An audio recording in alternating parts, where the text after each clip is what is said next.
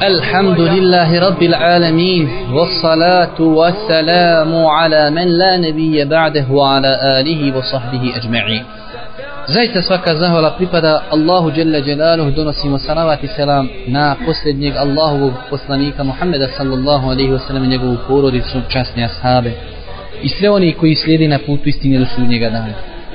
Juče smo, braću moja draga, započeli jedno veoma interesantno poglavlje iz knjige Šeha Albani rahmetullahi alihi koja se zove Ahkamul Dženaiz i mi ovim predavanjem skoro da okončajemo ovaj ciklus predavanja, ovo je 11. predavanje, možda održimo još jedno predavanje, nakon toga možda održimo jedno predavanje u kojem ćemo spomenuti neke fete velikih islamskih učenjaka ili stalne komisije vezane za dženazu kako bi se potvrdilo, hajde da kažemo, ono što smo mi do sad sve radili, da vidimo da to nisu samo stavovi šeha Albanije, rahmetullahi alihi, već da iza, iza toga stoje i mnogi drugi velikani ovog ummeta.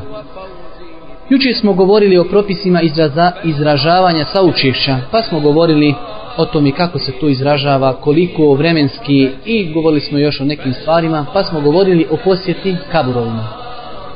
Pa smo spomenuli propis posjete kaburova kada je u pitanju muška populacija, nakon toga govorili smo da je dozvoljeno ženama posjećivati kabure i nakon toga smo počeli govoriti o nekim adabima posjete kaburima.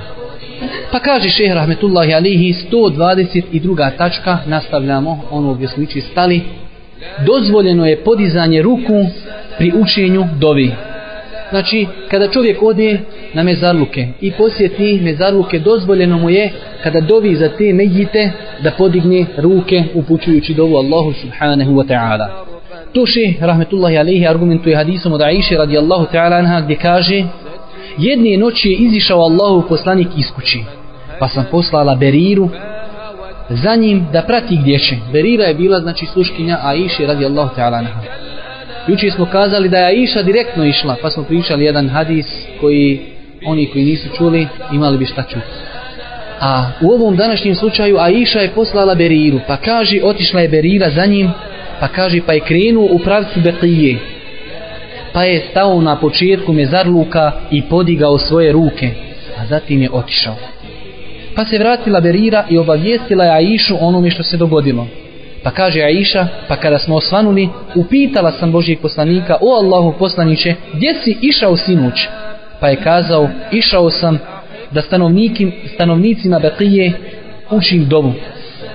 Hadis je zabilježio imam Ahmed, Malik, Nesai, a hadis je dobar. Vidimo ovdje iz ovog hadisa da Berira radi, radi Allahu ta'ala anha kaže da je vidjela Božijeg poslanika kada je došao do Beqije da je podigao svoje ruke prilikom upućivanja dove za mrtvi. Normalno ovdje se odmah postavlja pitanje a gdje će se čovjek okrenuti kada upućuje dovu? Prema kaburu ili prema kibli? Pa onda šejh, znajući za te, znači ne u smislu da zna gajb, već pretpostavljajući kakva su razmišljanja ljudi, odgovara na to pitanje pa kaže 123. tačka, prilikom učenja dovi okrenut će se prema kibli, a ne prema kaburu. Pa on to pojašnjava pa kaže, jer je poslanik sallallahu alaihi wasallam zabranio namaz prema kaburovima, a dova je srž namaza, zato uzina isti propis. Znači kaže šehr rahmetullahi alaihi, kao što je zabranjeno da se čovjek prilikom činjenja namaza okrene prema kaburu, tako je isto zabranjeno da se okreneš prilikom dove, zato što kaže srž namaza je dova. Pa citira hadis Božih poslanika gdje kaže ed du'a'u huval ibade, hadis u Buhari, odnosno koji je zabilježio imam Buharija u Edebul Mufred knjizi, koji je vjerodostojan da je Boži poslanik kazao dova je ibadet. Nakon toga je šest spomenuo onaj adis koji se dosta puta spominje po predavanjima ed du'a'u muhul ibade, zaista je dova srž ibadeta, taj hadis je slab. Ali ed du'a'u huvel ibade, dova je ibadet, taj hadis je vjerodostojan. Pa kaže šehr Rahmetullah Jalihi, govoreći o ovom propisu, iz ovog propisa se ne uzima, ne izuzima nijedan kabur, pa čak kabur Božijeg poslanika.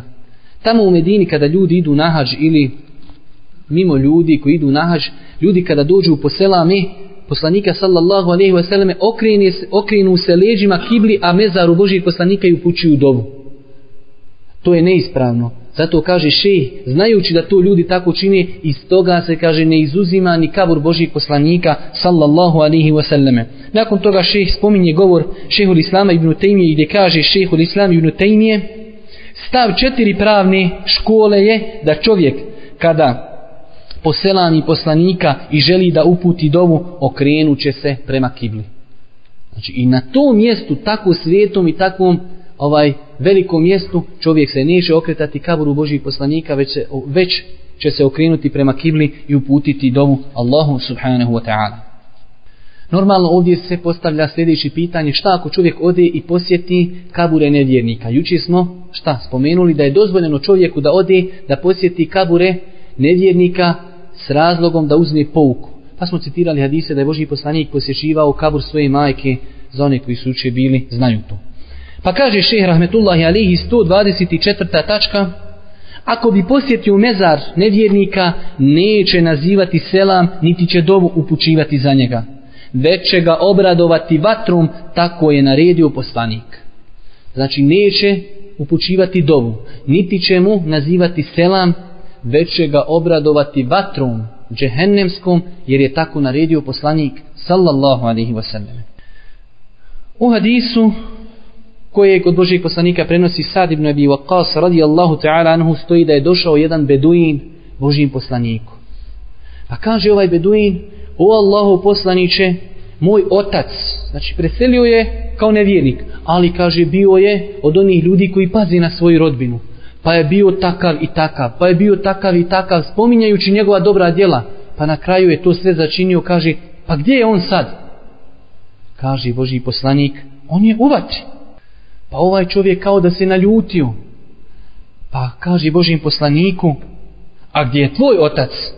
Pa kaže Boži poslanik, kada god prođeš pored nevjerničkog kabura, obraduj ga vatrom prenosi prenosi od svog hadisa, pa je taj beduin primio islam i govorio bi, zaista me poslanik obavezao napornom, napornom obavezom i napornim djelom, nisam nikada prošao pored nevjerničkog kabura, a da ga nisam obradovao vatrum. Hadis je zabilježio imam taberanić, a hadis je vjerodostojan. Znači ovdje vidimo da čovjek iz ovog hadisa ne da neće učiti dovoljnici selamiti, već da će tim ljudima kazati da su oni stanovnici vatri. Vraćamo se ponovo na mezarluke muslimana. To je ono pitanje koje smo juče malo dotakli. Hodanje u papučama ili u obući između kaburova. Pa kaže ših rahmetullahi alehi 125. tačka neće čovjek musliman hodati između muslimanskih kaburova u obući. Neće čovjek musliman hodati između muslimanskih kaburova u obući. Zbog hadisa Bešira ibn Hanzali radijallahu ta'ala anhu, poznat hadis, mi smo ga prije citirali, kad kaže šetao sam s Božim poslanikom, pa smo prošli kaj nevjerničkih kaburova, pa smo prošli kaj muslimanski, pa kada smo došli kod muslimanskih kaburova, Božji poslanik sallallahu alaihi wasallam vidio je čovjeka koji u obući hoda između kaburova. Ne po kaburovima, između kaburova. Pa je kazao Boži poslanik, o vlasniče obuće ili mestvi, skini i baci svoju obuću. Pa je čovjek pogledao, pa je prepoznao Božijeg poslanika, pa je skinuo svoje cipele, papuće, već šta je bilo na nogama, pa ih je bacio. Kaže šeh, rahmetullahi alejhi kada govori o ovom hadisu u fusnoti pojašnjava da je razlog zabrani hodanja između kaburova u obući poštovanje mrtvih.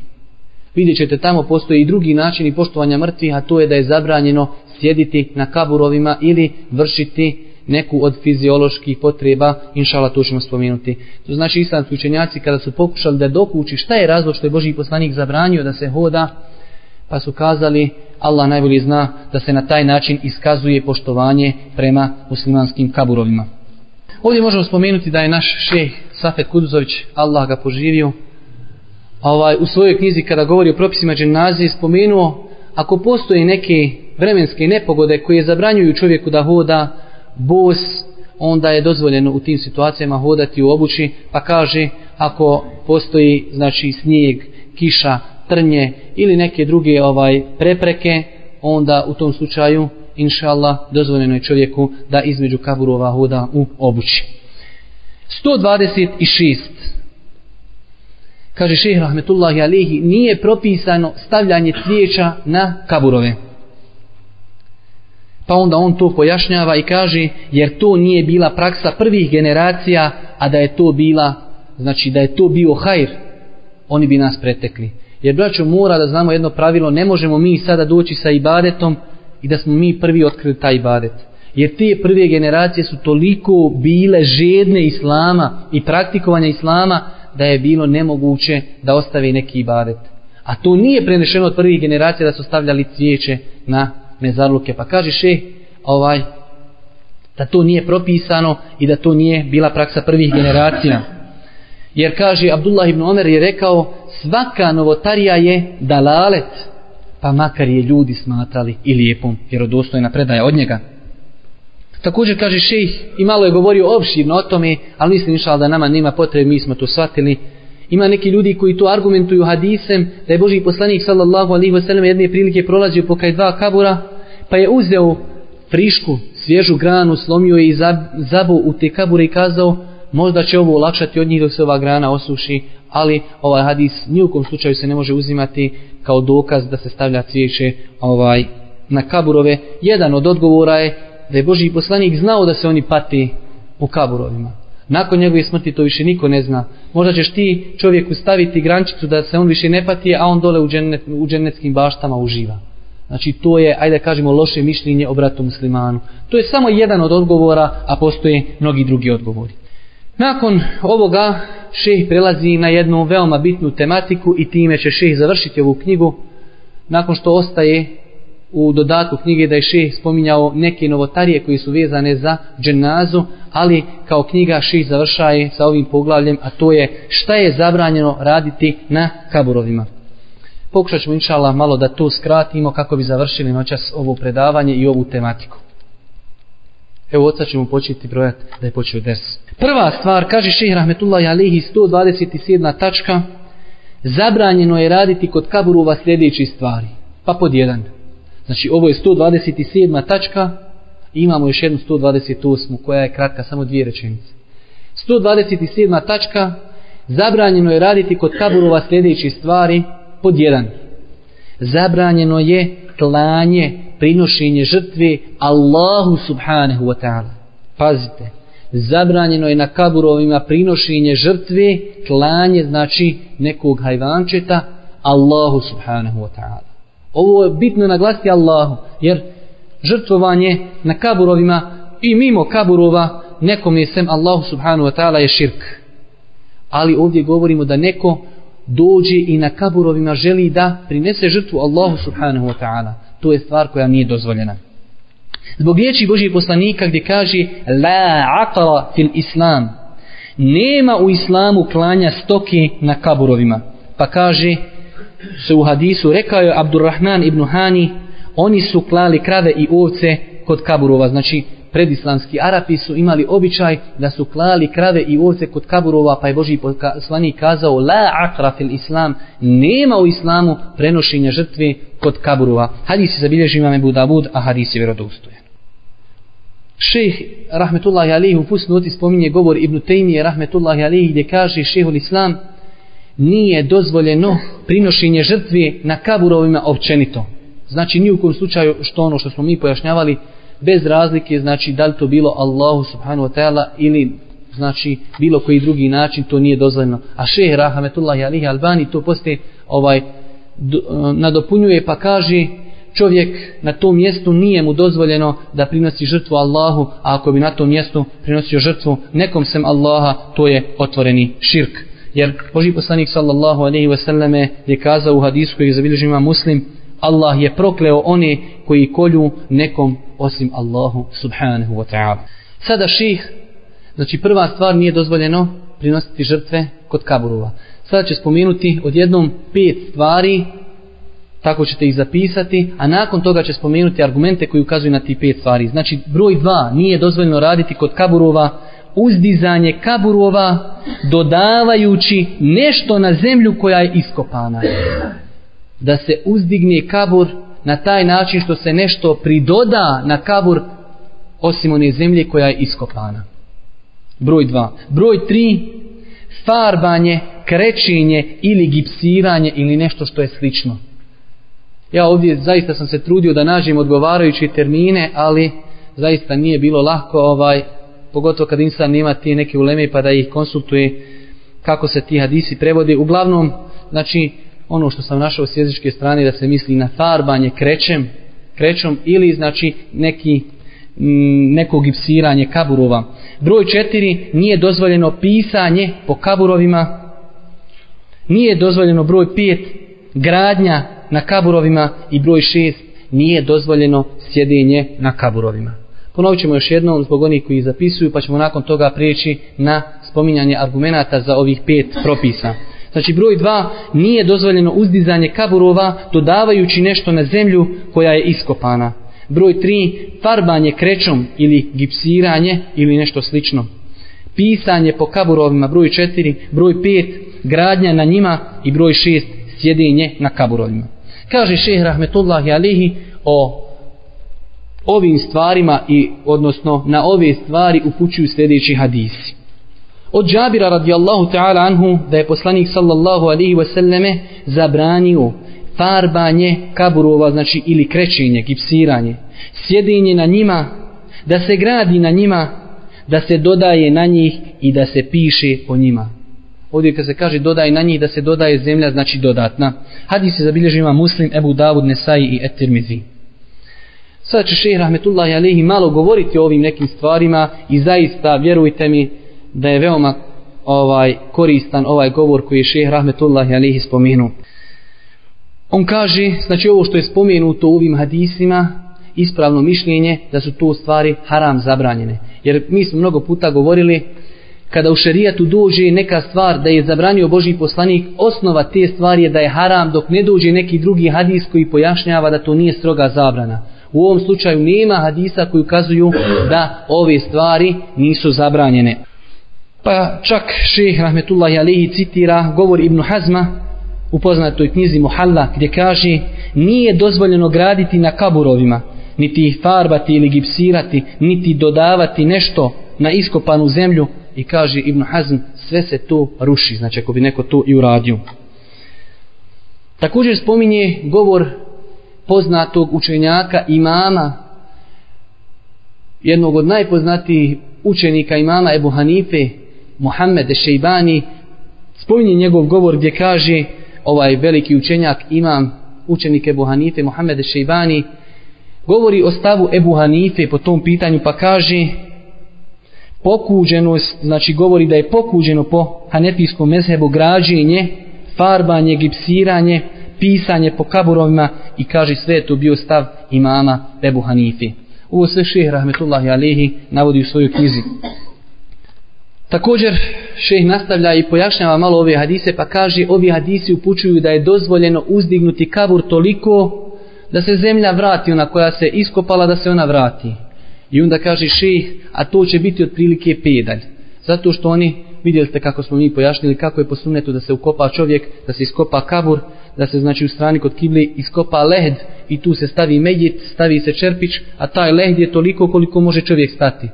I toliko će znači prostora gdje je dole meji toliko zauzeo, toliko će zemlja gore zauzeti malo više prostora. Pa kaže šeh Rahmetullahi Ali, znači ovaj hadis upućuje na to da je dozvoljeno da mezar bude malo izvišen zbog toga znači dok se zemlja vrati. Kaže šehr što se tiše pisanja po kaburovima, vanština ovog hadisa ukazuje kaže da je to zabranjeno vanština hadisa, znači hadis je općeg karaktera. Boži poslanik je kazao i nemojte pisati po kaburovima. I on kaže da iz onog govora ovaj imama Muhammeda se može zaključiti da su oni to smatrali zabranjenim dok Hanbelijska i Šafijska pravna škola su to smatrali pokuđenim. Pa ovdje še navodi da neki učenjaci su dozvoljavali da se na znači tom nadgrobnom kamenu napiše ime i prezime. Znači nisu nikada raspravljali o nečemu većim. Maksimalno što su učenjaci dozvolili jeste da se napiše ime i prezime. Pa čak šeh rahmetullahi alihi ovaj, nije se složio sa njima ni u tome, ali vidjet ćemo poslije. Pa kaže šeh, neki učenjaci su izuzeli iz pisanja po kaburovima da se napiše ime i prezime analogno hadisu Osmana ibn Mav'una. Mi smo spomenuli hadis Osmana ibn Mav'una, ali za one koji nisu bili tu, kada je Boži poslanik klanjao ashabu koji se zvao Osman ibn Mav'un, dženazu, poslao je čovjeka da donese kamen. Pa nije mogao je pa otišao Boži poslanik i donio je kamen i ostavio kod njegove glave i kazao je ovo sam uradio kako bi se njegov kabur mogao raspoznavati. Analogno ovome, kažu učenjaci u današnjem vremenu, to znači kada postoji mnogo kaburova, treba napisati ime i prijezime da bi se mogao raspoznati taj kabur. Kaže šeh Rahmetullahi Alihi Albani, rezimirajući ovo pitanje, kaže ako u jednom mezarju postoji mnogo kaburova, ako postoji mnogo kaburova i postoji mogućnost da dođe do zabune sutra kada dođeš obić, znači mezar svoga nekog bližnjeg, ako može doći do zabuni zbog mnoštva kaburova, onda kaže može se napisati samo ime i prizme bez ikakvog ukrašavanja, samo ime. Samo ime. A kaže, ako je malo groblje, znači ti znaš u ponoću po dana otiš do tog kabura, tada ne smiješ napisati ni ime, ni prijezime. Na osnovu hadisa gdje kaže Boži poslanik, nemojte pisati po kaburovima, ali znači islamski učenjaci su to izuzeli, ovaj, ako postoji za to velika potreba. Nakon toga nastavlja šehr Rahmetullahi Alihi, navodi hadise za oni pet stvari koje smo mi spomenuli, pa kaže od Ebu Sa'ida radijallahu ta'ala anhu da je poslanik sallallahu alihi wasallame zabranio da se gradi na kaburovima. Također hadis Ebu El-Hejjađa da mu je kazao Ali radijallahu ta'ala anhu zar nećeš da te pošalim kao što je poslao mene Allahu poslanik da ne ostavim sliku u kući a da je ne zamrljam niti da ostavim uzdignut mezar, a da ga ne poravnam. Hadis je zabilježio ima muslim Ebu Davud en Nesai. Također hadis od Ebu Huriri radijallahu ta'ala anhu da je kazao Boži poslanik, znači ide sve po redu, sve sada navodi argumente koji ukazuju da nije dozvoljeno sjediti na kaburovima. Kaže Allahu poslanik da neko od vas sjedni na žeravicu koja će mu propržiti odjeću i dospjeti do njegove koži, to mu je bolje nego da sjedni, a u jednoj predaji nego da stani na kabur. Znači, kaže Boži poslanik, da neko od vas sjedni na žeravicu, pa mu ona proprži odjeću i dođi do njegove koži, to ti je bolje nego da sjedneš, a u jednoj predaji nego da staneš svojom nogom na kabur. Hadis se zabilježio ima muslim, Abu Dawud i Emnesaj. Također, kaže Boži poslanik sallallahu alaihi wasallam u hadisu od Ukbe ibn Amira, rekao je poslanik sallallahu alaihi wasallame, da hodam po žeravici ili po sablji ili da probodem svojom nogom obuću, Draži mi je od toga da hodam po kaboru muslimana i nema razlike da vršiš nuždu u mezarlucima ili je da je vršiš u sred pijaci. Hadis je zabilježio Ibnu Mađe, Ibnu Ebi Šejbe, a hadis je verodostojen.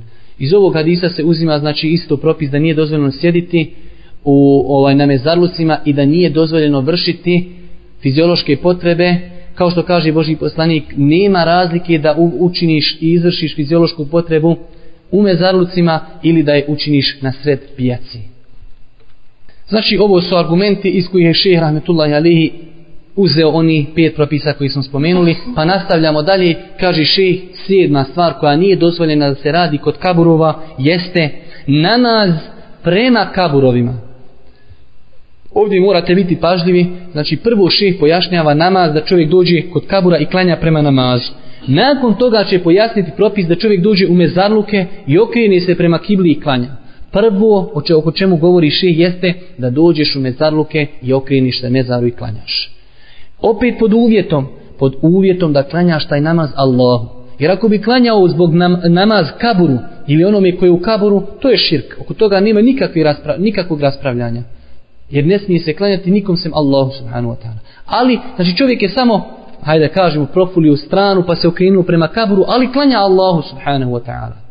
To je pitanje koji ših pojašnjava pa kaže nije dozvoljeno klanjati prema kaburu zbog hadisa Merseda El Ganevija radijallahu ta'ala da je kazao čuo sam Allahu poslanika da kaže la tusallu ila al kubur wa la tajlisu aliha nemojte klanjati prema kaburovima i ne sjedajte na njih. Hadis je zabilježio ima muslim. Kaže šejh rahmetullahi alihi, vanština ovog hadisa ukazuje da je ova stvar zabranjena. Šejh također navodi komentar ovog hadisa, ali nakon, znači, pošto je to trebalo mnogo vremena, kada mi to sve spominjali, spominje rezime pa kaže treba da znamo da spomenuta zabrana haram je u slučaju da čovjek klanja prema kaburu ne želeći veličanje kabura ili onoga koji je u kaburu, a ako bude cilja u veličanje kabura, onda je to širk. To ono što smo mi malo prije pojasnili. Osma stvar koja nije dozvoljena da se radi kod kaburova jeste namaz kod kaburova pa makar se okrenuo prema kibli. Nije dozvoljeno čovjeku da klanja u mezarlucima pa makar se okrenuo prema kibli. Nije dozvoljeno čovjeku da klanja u mezarlucima pa makar se okrenuo prema kibli. Sada ćemo malo inšala biti dosadno u smislu ima mnogo ti argumenta koji šest spominu jer treba da shvatimo, braćo moja draga, možda to kod nas i nije mnogo zastupljeno. Ali tamo po islamskom svijetu, pogotovo kada počnete dole Sirija, Libija, Egipat, to su normalne stvari da ljudi odlaze na turbeta, da ljudi odlaze kod mezarova, da ljudi klanjaju okrenuti prema tim stvarima i ovaj veoma bitno je da šeh je tome posvećivao veliku pažnju. Pa zato ćemo ovaj se strpiti da spomenemo te neke hadise koji ukazuju na to. Od Ebu Sa'ida el-Hudrija radijallahu ta'ala anhu stoji da je Boži poslanik sallallahu alaihi wa sallam kazao el ardu kulluha mesjid illa el maqbara wal hamam.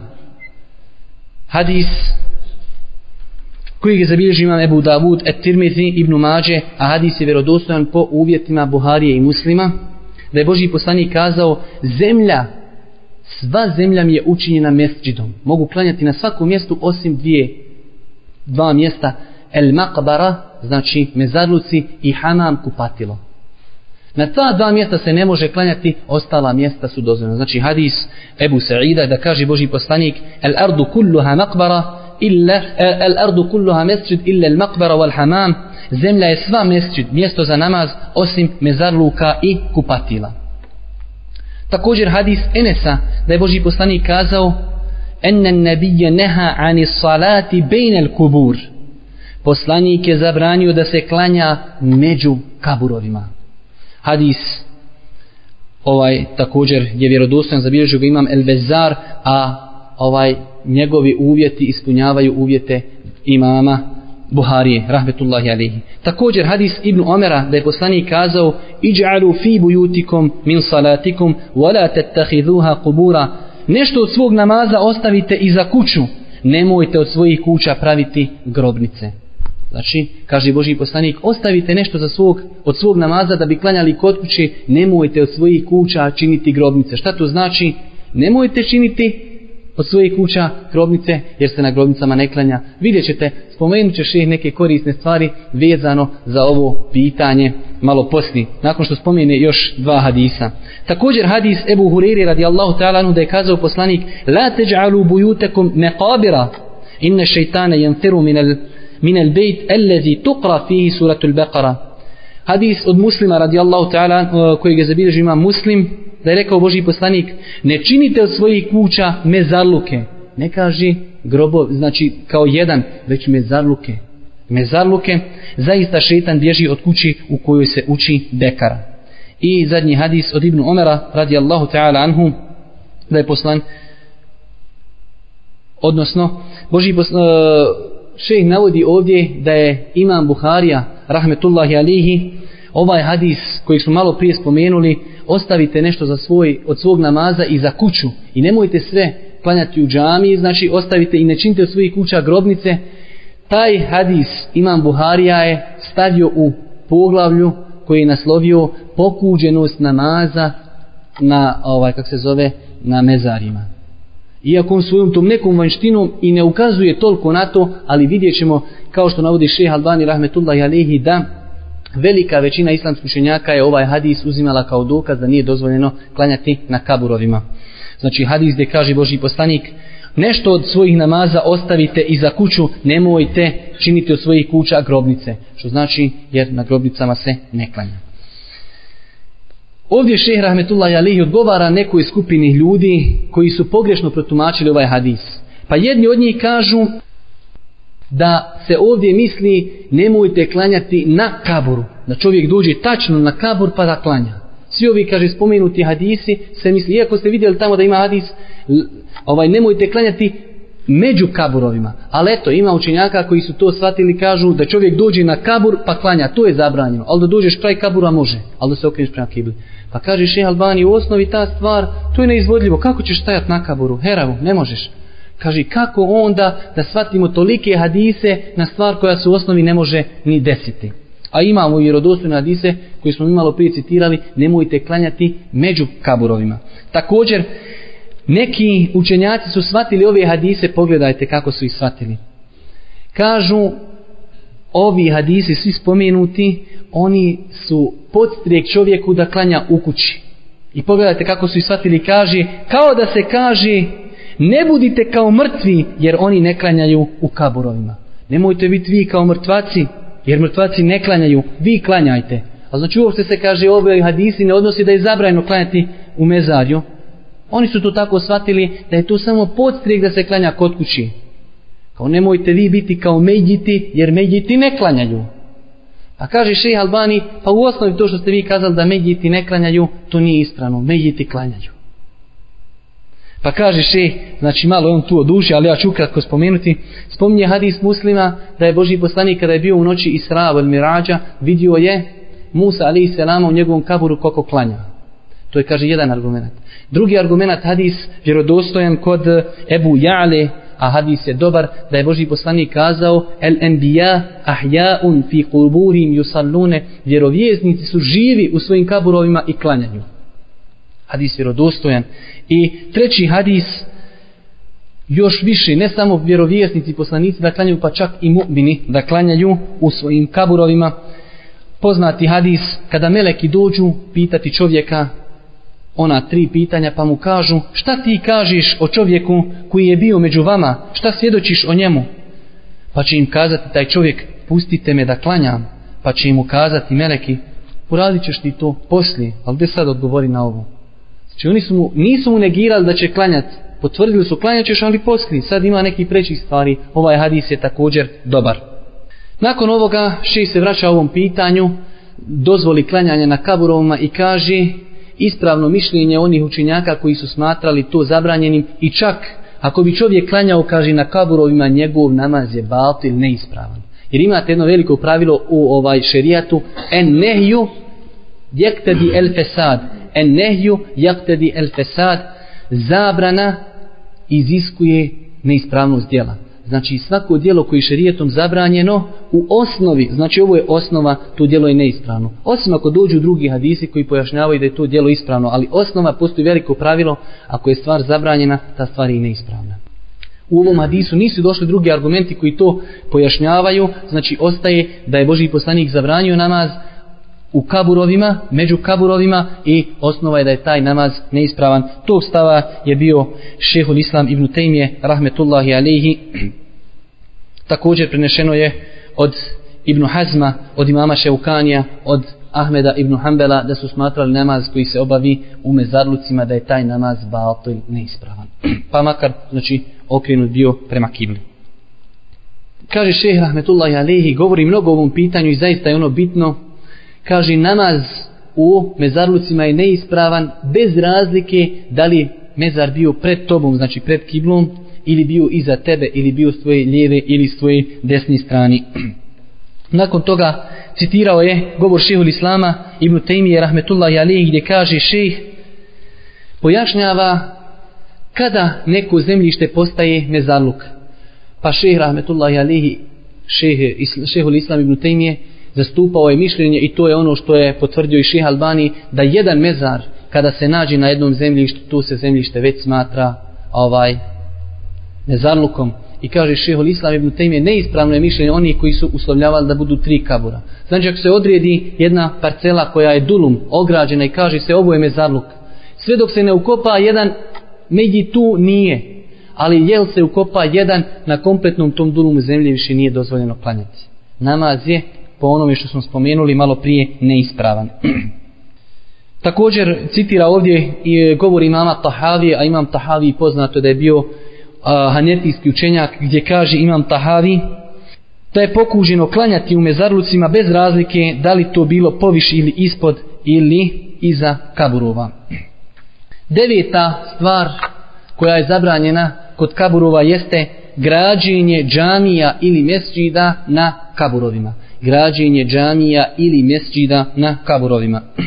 Kaže šehr Rahmetullahi Alehi, o tome govore hadisi. Od Aisha ibn Abbas radijallahu ta'ala anhu, Allahu poslanik je kazao Allahovo prosklestvo neka je na židove i kršćane, oni su uzeli grobove svojih poslanika kao bogomolje. Allahovo prokletstvo neka je na židove i kršćane, oni su uzeli, bogo, uh, oni su uzeli mezare svojih poslanika kao bogomolje, hadis se zabilježi u Buharija, Muslim i drugi. Također hadis od Ebu Hureyre da je samo zamjena, znači u početku gdje kaže u ovom hadisu Allah je ubio židove i kršćane, pa nastavak hadisa je isti. Također hadis od Ebu Hureyre da je kazao Allahu poslanik o gospodaru ne učini moj kabur kumirom Allah je prokleo narod koji su uzeli grobove svojih poslanika bogomoljom. Također hadis od Abdullaha ibn Mes'uda da je rekao Allahu poslanik inne min shirarin nasi men tudrikuhu sa'atu wa hum ahya wa hum ahya wa man yattakhidhu al-qubura masajid da je rekao Boži poslanik zaista je najgori narod i najgori ljudi su oni koji živi dočekaju sudnji dan oni ljudi koji budu živi kada nastupi sudnji dan, to su najgora Allahova stvorenja. Pa onda nastavlja Boži poslanik i najgori su oni koji uzimaju mezarluke za bogomolje. Kaže šehr Rahmetullahi Alihi, ovi hadisi, ove zabrane, da se znači gradi na kaburovima obuhvataju i podrazumijevaju te tri stvari, a to je da se klanja prema kaburu, činjenje sežde na kaburu i izgradnja džamija ili bogomolja na kaburu. Deseta stvar koja je zabranjena činiti kod kaburova jeste uzimanje kaburova za praznik ili blagdan. Uzimanje kaburova za praznik. Šta znači ovo za praznik? Kaže ši da se obilaze u određenim vremenima ili u određenim sezonama kako bi se činili tu ibadeti ili nešto drugo. U arapskom jeziku, braću moja draga, morate paziti malo, riječ Bajram se kaže id. Od glagola ade je udu, vratiti se. I oni svaku stvar koja se godišnje ili sedmično ili mjesečno vraća u istom danu smatraju praznikom. Tako da čovjek kaže ja ću svakog, svakog četvrtka sedmično ići obilaziti kabure, to se smatra kod njih praznikom. I to je ono što želi da kaže šeh rahmetullahi alihi, ili da čovjek kaže ja ću svakog prvog, prvog godišnji odlasti posjećivati kaburo. Ili svakog prvog sedmog ću obilaziti. To se smatra uzimanje kabura za praznik. A to je ono što je zabranio Boži poslanik u hadisu, gdje kaže La teđalu qabri iden Pazite ovdje riječ Eid, Bajram, praznik. Nemojte, kaže, moj kabur uzeti za praznikovanje. Da dolazite na njega u baš određenom vrijeme. Što čovjek sebi kaže, ja ću svake godine na taj datum otići obići mezar ili kabur Božih poslanika, sallallahu alaihi wasallam. Ovaj hadis je zabilježio imam Ebu Davud, Ahmed, a hadis je dobar. Zato kaže šehr Rahmetullahi alaihi, ovaj hadis upućuje da je zabranjeno uzimati kabure za praznike. Znači, kad ovdje kažemo za praznike, ovdje to malo nekako, ja nisam našao adekvatnijeg ovaj izraza, ali mislimo pod riječ praznik da čovjek dolazi uvijek u isto vrijeme.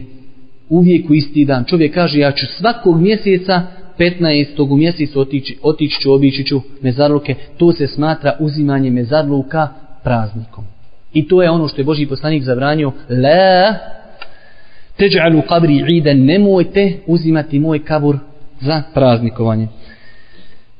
Ovdje šeh Rahmetullahi Alihi također navodi citat iz knjige od šehul Islama, poznata knjiga kod nas je Alhamdulillah prevedena i to je jedno veliko blago, knjiga koja se zove na arapskom Iktidau sirat il mustaqim fi muhalefeti ashabil džahim od šehul Islama ibn Taymi u kojoj on govori o, o ponašanju nevjernika pa se ovaj dotiče tih mnogih nekih bitnih pitanja pa kaže kada je u pitanju ova tematika Poslanikov kabur je najbolji kabur na zemlji, a zabranjeno ga je uzeti za praznik. Ostali kaburu, kaburovi su preči bez razlike ko to bio. znači šehol Islam ibn Tejmije kaže ako je zabranjeno uzeti kabur Božijeg poslanika za praznikovanje da dolaziš u određeno vrijeme a to je najbolji kabur na zemlji pa da onda uzmeš neki obični kabur moramo reći obični u odnosu na kabur Božijeg poslanika onda je to kaže mnogo preče da bude zabranjeno također ših uh, e, Albani rahmetullahi alihi naveo je ovdje možda tri ili četiri stranice govora šeha e, šehol Islama ibn Tejmije, što je zasigurno za nas predugo, a ja ću samo spomenuti dva ili tri, znači isješka po jednu rečenicu. Pa na primjer kaže šehol Islam ibn Tejmije, možda se okupe ljudi na kaburu u određenim sezonama, a to je baš ono, kaže što je zabranio Boži poslanik i nemojte uzimati moj kabur praznikom. Ili čak kad neki, mm, kod nekih kaburova ljudi se okupljaju u određenom danu u godini, pa ljudi i putuju dolazeći na te, znači na te dane. Pa na kraju kaže šehol Islam ibn Tejmije, ja ne znam da postoji razilaženje među ulemom da je ta stvar zabranjena. Znači navodi konsenzus islamskih učenjaka da nije dozvoljeno da čovjek odrijedi jedan dan u kojem će svake godine ili kao što smo pojasnili obilaziti kaburove. Ko hoće malo šire da o tome pročita, neka se obrati onima koji posjeduju tu knjigu od Šehul Islama, prevedena je u dva toma, iktidau siratil mustaqim ja mislim da su i nekako preveli da se zove sliđenje pravog puta ili nešto slično tomi. Jedna je ta taška šta je zabranjeno raditi kod kaburova jeste poduzimanje putovanja prema kaburovima. Da čovjek poduzmi posebno putovanje da bi obišao nečiji kabur. To je također zabranjeno. Tu navodi šir Albani rahmetullahi alihi. Zbog hadisa Ebu Huriri radijallahu ta'ala anhu da je kazao Allahu poslanik La tušeddu rihalu illa ila selaseti mesajid. El mesjid il haram, wa mesjid il rasul, wa mesjid il aqsa. U hadisu koji je zabilježu imam Buharija stoji da je Boži poslanik kazao sedla se ne pritežu osim radi tri mesjida. Mesjidul haram u Mekki, poslanikove džamije i mesjidul Aksa. Znači, pojašnjavanja ovih riječi, kaže Boži poslanik, nije dozvoljeno poduzijeti putovanje da bi čovjek obišao neku džamiju, misleći da ona ima svoju svetost osim ove tri džamije. Čovjeku je dozvoljeno da maksuz plati avionsku kartu i da ode u Medinu, ili u Meku, ili u Kuc. Ali da kaže, ode maksuz u Tursku da vidim plavu džamiju, ne može. Jer Boži poslanik kaže, sedla se ne pritežu. Ne može. Eh, nakon toga islamski učenjaci onda se razilaze, a da li čovjek može da poduzme putovanje da bi obišao neko drugo mjesto za koji se smatra da je sveto, a na tu nema džamije. Znači što se tiče sa džamijama, oko toga nema razilaženja jer ovaj hadis je kategoričan i jasan. Ali da čovjek ide i kaže čovjek sad, ja putujem, šta ja znam, negdje u Švedsku, u Njemačku, tamo ima neko mjesto svijetu, idem ja da obiđem to mjesto. Može li? O tome govori šeh Rahmetullah Jalihi također, o tome je mnogo govorio. Ovaj, zaista mnogo, ali ja sam pokušao da samo spominim taj neki rezime. Prenosi se u vjerodostojnim predajama od, od više ashaba, a jedan od njih je Abdullah ibn Omer, poznat Abdullah ibn Omer, da je bio strog u pridržavanju za sunnet Božih poslanika kada bi ljudi odlazili na tur. A tur je brdo, znači gdje Allah žele dželalu razgovarao sa Musaom. Pa bi ljudi išli gore kao to je sveto mjesto, pa bi gore klanjali, pa bi im Abdullah ibn Omer citirao ovaj hadis i zabranjivao im to. Vidimo da su ashabi shvatili ovu zabranu da nije samo u pitanju odlazak džamijama, već su shvatili da gdje god čovjek ide smatrajući neko mjesto svijetim, da znači ne može da se ide na osnovu ovog hadisa. Tako su ga oni shvatili, a njihovo razumijevanje hadisa je mnogo preči da mu se da prednost nad našim razumijevanjima. Zato kaže šehr Rahmetullahi Ali nakon što je spominjao mnogo tih pitanja, vjerujte, ja sam još prija htio tražiti u knjigama na ovu temu ovaj govor, vjerujte da je šehr obradio ovo pitanje zaista temeljito, pa na kraju kaže i rezimira mišljenje koje je preferirao Ebu Muhammed El Džuvejni, pripadnik šafijske pravne škole i drugi da nije dozvoljeno poduzimati putovanje osim radi tri mjeseca, to je mišljenje koje treba prihvatiti. To je mišljenje koje su preferirali velikani, istraživači mezijeba poznati po jakom razumu i poznavanju vjere kao što je šehul Islam i Ibn Tejm, šehul Islam Ibn Tejmije i Ibn Al-Qajim. On kaže znači da ovaj učenjak Ebu Muhammed el-đuvejni, šafijski učenjak, šehol Islam, Ibnul Qajim i drugi učenjaci su bili tog stava da čovjek ne može poduzeti posebno putovanje da bi obišao neko mjesto za koje smatra da je svijeto osim ova tri mesčida. I na kraju šejih zaista jednu lijepu opasku daje koja je veoma bitna, a to je da čovjek treba da zna da se pod ovim pojmom ne podrazumijeva čovjekovo putovanje radi trgovine, radi toga da čovjek ide da se školuje. Jer čovjek tada ide s namjerom i željom da ostvari svoju neku potrebu, a ne što smatra da je to mjesto svijeto. Znači, ta putovanja su u osnovi dozvoljena sva. Da čovjek kaže, trebam da nabavim robu, hoću da idem tu, hoću da idem tu, nema nikakve smjednje. Ali da čovjek kaže, želim da idem na to i to mjesto zato što smatram da je svijeto i maksus da poduzme putovanje na osnovu ovoga što je spomenuo šeh Albani i da je to stav e, šehul Islama ibn Tejmije ibn Qajima i ostali, to nije dozvoljeno osim zbog ova tri mesđida. Navodi šeh Albani da je to ovaj spomenuo šehul Islam u svojim fetvama. Također, kaže šeh 12. stvar koja nije dozvoljena kod kaburova da se radi jeste paljenje lampi na kaburovima. Kaže šeh, znači lampi i sve što je slično lampama, svijeće, lampe ili nešto drugo, sve to zabranjeno. Pa kaže šeh, to iz više razloga. Prvo, to nije bilo poznato kod praksi Selefa. Drugo, to je upropoštavanje i metka i treći u tome je oponašanje međusija ili vatropoklonika. Tri razloga koji šeh Rahmetullah Alehi naveo, iako on sam na kraju navodi da velik broj islamskih učenjaka u ovom poglavlju koristi se hadisom, čak on navodi da je to velika većina, citira jedan hadis gdje je Boži poslanik zabranio ženama da posjećuju kaburove, pa u dodatku tog hadisa stoji i da pali te neke svjetiljke na kaburovima, ali vi znate da smo mi preferirali da je taj hadis, da je Boži poslanik zabranio da žene posjećuju kaburove, znači obična posjeta da je taj hadis daif. I sam ših Albani ponovio je tu ovdje gdje kaže da je taj hadis daif, ali on ne donosi ovaj propis na osnovu hadisa, već na osnovu ove tri spomenute stvari.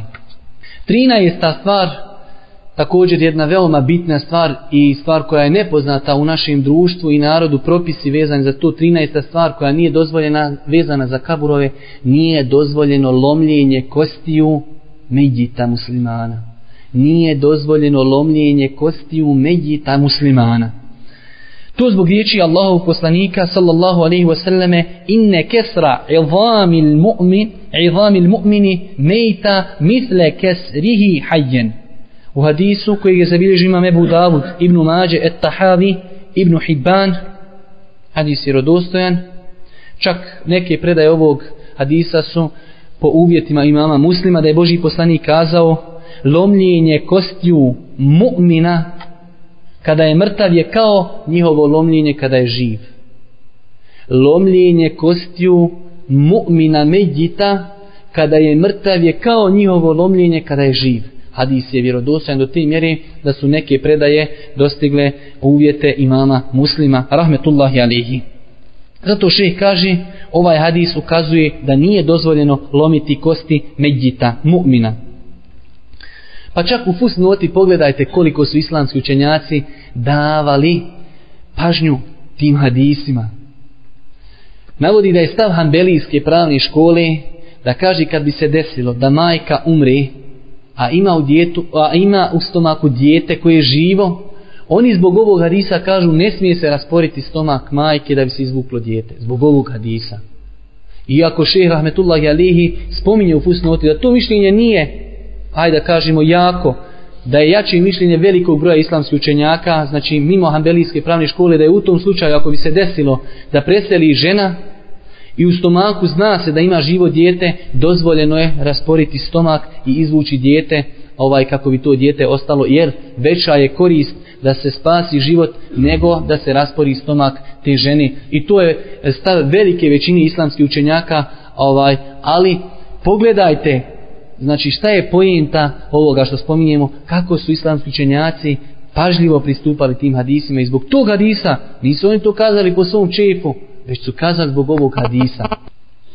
Kaže Ših Albani rahmetullahi alehi, ovaj hadis nosi sa sobom dvije velike koristi. Time ćemo, alhamdulillah, završiti ovu tačku i nakon toga spomenuti onu zadnju preostalu tačku u dvije rečenice i gotovo.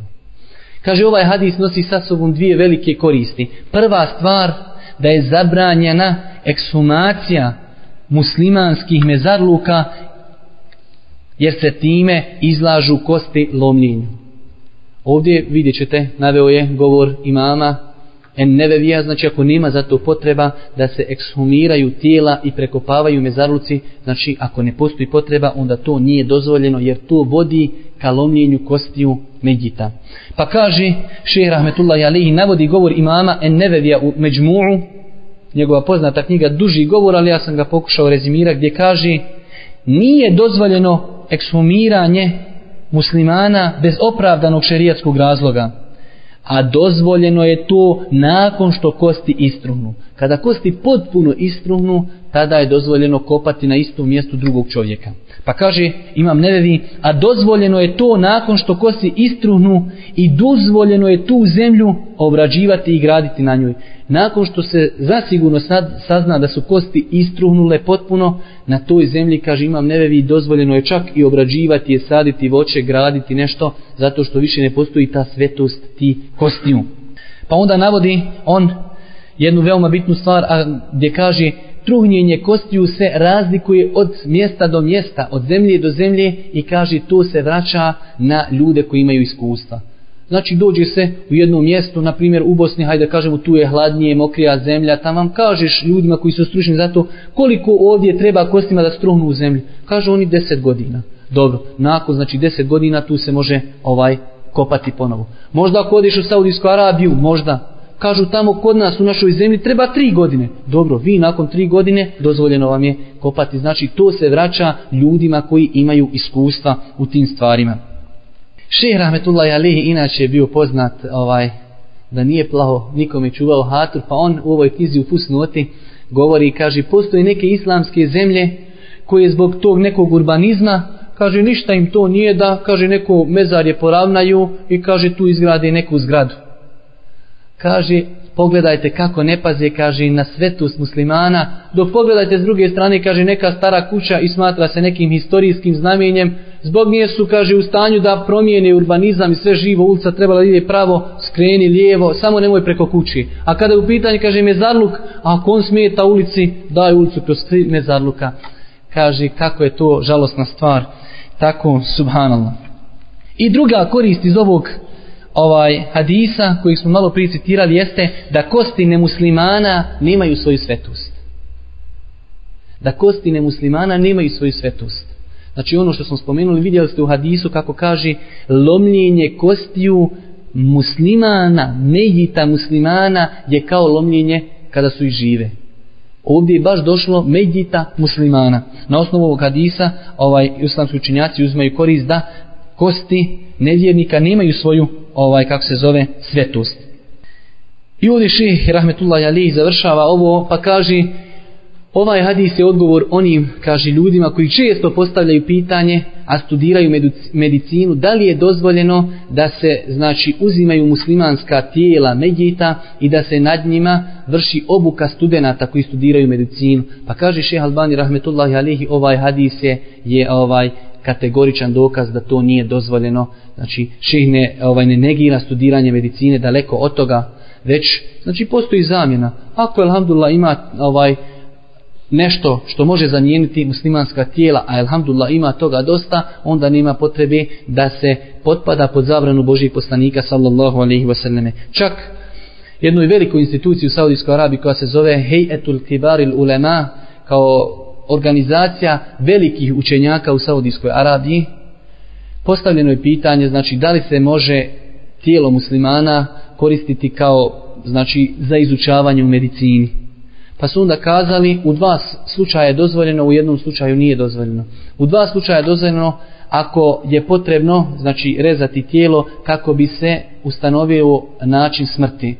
Znači, ako je čovjek prirodno umro, nema to nikakve potrebe, ali nekada se ne zna šta je razlog smrti iz razloga možda da bi se otkrio ubica ili šta ja znam kad ja ne može da donese presudu, tada je to dozvoljeno. I druga stvar, ako postoji neka opasna bolest koja prijeti po zajednicu, da bi se znači pronašao protiv lijek ili lijek za tu ovaj bolest, onda je dozvoljeno znači te mejite, hajde da kažemo, otvarati i izučavati. A ova situacija, kada se uzimaju muslimanski mejiti da bi se na njima ovaj studiralo, o, ova institucija velika to nije dozvolila.